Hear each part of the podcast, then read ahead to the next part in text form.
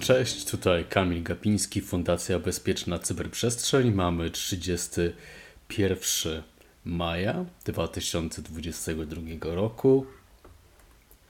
Słoneczny wtorek, przynajmniej w Warszawie. I zaczynamy odcinek 200, hmm, 216 już naszego podcastu Cyber Cyber Raport, a nasze dzisiejsze tematy są następujące. Zalecenia Microsoftu dotyczące Zero Day w Office. Vodafone szykuje rewolucję w zakresie targetowania. LinkedIn rozpoczyna publiczny program Bug Bounty. Phishing podszywający się pod Ministerstwo Finansów. Retencja adresów IP ma być zwiększona do roku. Chodzi o telekomy. Ponad 100 tysięcy kart kredytowych z Pierbanku w Darknecie. Nowa podatność, a w zasadzie podatność e, typu e, Zero Day e, w, w pakiecie Office odnosi się do możliwości wykonania dowolnego kodu PowerShellowego przy użyciu schematu URI MS MSDT, czyli Microsoft Diagnostic Tool. Pierwsze próbki zostały upublicznione w Białorusi co do tego zagrożenia. Podatność została nazwana e, podatność Folina. Atakujący, który pomyślnie wykorzysta tę lukę, e, może uruchomić dowolny kod z uprawnieniami aplikacji wywołującej.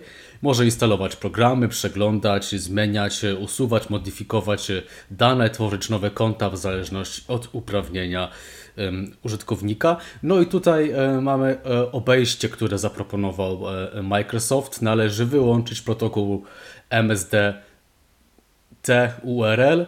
Mm, instrukcja na stronie Microsoftu oraz e, w naszych e, linkach. Sama CVE ma e, dość mm, no, wysoki, wysoki poziom krytyczności 7,8 na 10 i dotyczy wersji 2013, 19, 21, 16, a także Professional Plus.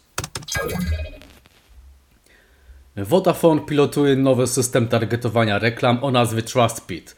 E, będzie on działał jako trwały e, tracker, taki zagnieżdżony, użytkowników na poziomie dostawcy usług internetowych. Tak? Czyli mamy tutaj takiego jakby e, pomysł, żeby był pomiędzy tym procesem taki dodatkowy pośrednik, czyli ISP, Nowy system jest w fazie testowej w Niemczech. Ma być e, podobno niemożliwy do obejścia z poziomu ustawień przeglądarki internetowej lub poprzez blokowanie plików cookie lub maskowanie adresu IP. Operator komórkowy e, ma przypisywać stały identyfikator każdemu klientowi i powiązać z nim całą aktywność użytkownika.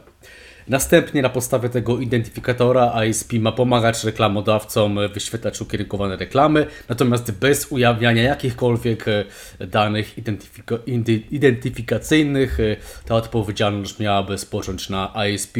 Właśnie. No i Vodafone wyjaśnia, że TrustPit będzie generowany losowo, a jego subskrybenci będą mieli możliwość zarządzania swoją zgodą na akceptację śledzenia za pośrednictwem usługi e, pulpitu użytkownika. Bug bounty, czyli popularne polowanie na błędy, podatności czy słabości, no Znamy je, to jest jedno z narzędzi prewencyjnych w cyberbezpieczeństwie, a dość popularne dlatego, gdyż firmy za te znaleziska oferują nagrody. No i do tej powiedzmy, no nazwijmy to zabawy, dołącza również teraz y, LinkedIn, czyli mm, no, serwis Microsoftu dotyczący, no takie medium społecznościowe e, dotyczące e, budowania kariery czy nawiązywania e, biznesowych relacji. No i oni teraz też dają taką możliwość. Uzależniają e, nagrodę od krytyczności, począwszy od 100 do 10 tysięcy dolarów. Dozwolone są zgłoszenia w kategorii ataków webowych, błędów uwierzytelnienia czy kontroli dostępów. Natomiast poza tym zakresem jest phishing, ataki DDoS i e, tego typu mm, mm, podobne e, zagrożenia czy mm, próby przełamania e, bezpieczeństwa. Phishing podszywający się pod Ministerstwo Finansów. Mamy najnowszą kampanię smishingową w polskiej infosferze, w polskim internecie.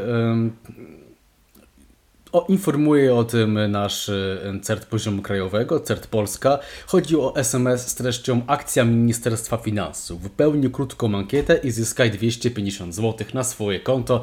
No i tutaj mamy oczywiście dziwny link, e, który prowadzi do ankiety ale w celu odebrania rzekomej nagrody już po wypełnieniu tej ankiety e, przestępcy odsyłają nas do fałszywego panelu logowania naszego banku dołączamy się do alarmu i przestrzegamy przed tymi SMS-ami.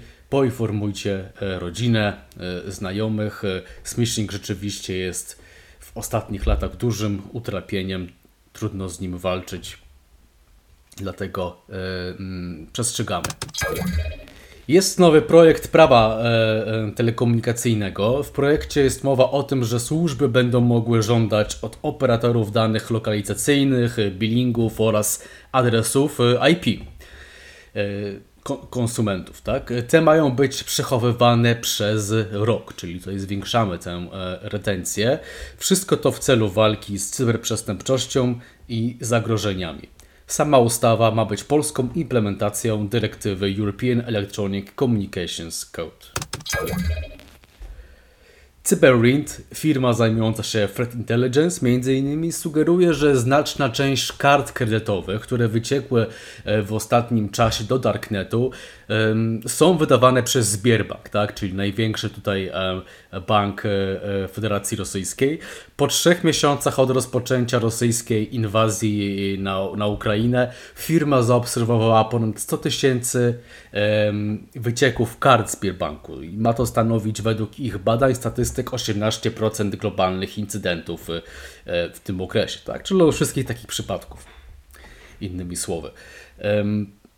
Tutaj jeszcze jakby na potwierdzenie tego, że chodzi o, to, o, o tę inwazję, że ona jest jakby przyczyną e, tego rodzaju mm, sytuacji jest fakt, że na trzy miesiące przed rosyjską inwazją CyberRint zaobserwował, że wyciekło około 12 tysięcy kart kredytowych e, z Bierbanku, więc tutaj ten trend, ten trend rzeczywiście jest w korelacji do tych, e, mm, do tych zdarzeń, do wojny w Ukrainie. To już wszystkie newsy na dziś, 31 maja 2022 roku. Ja życzę Wam e, miłego dnia. E, to był Kamil Gapiński, Fundacja Bezpieczna Cyberprzestrzeń i zapraszam do jutrzejszego raportu. Trzymajcie się, bądźcie cyberbezpieczni.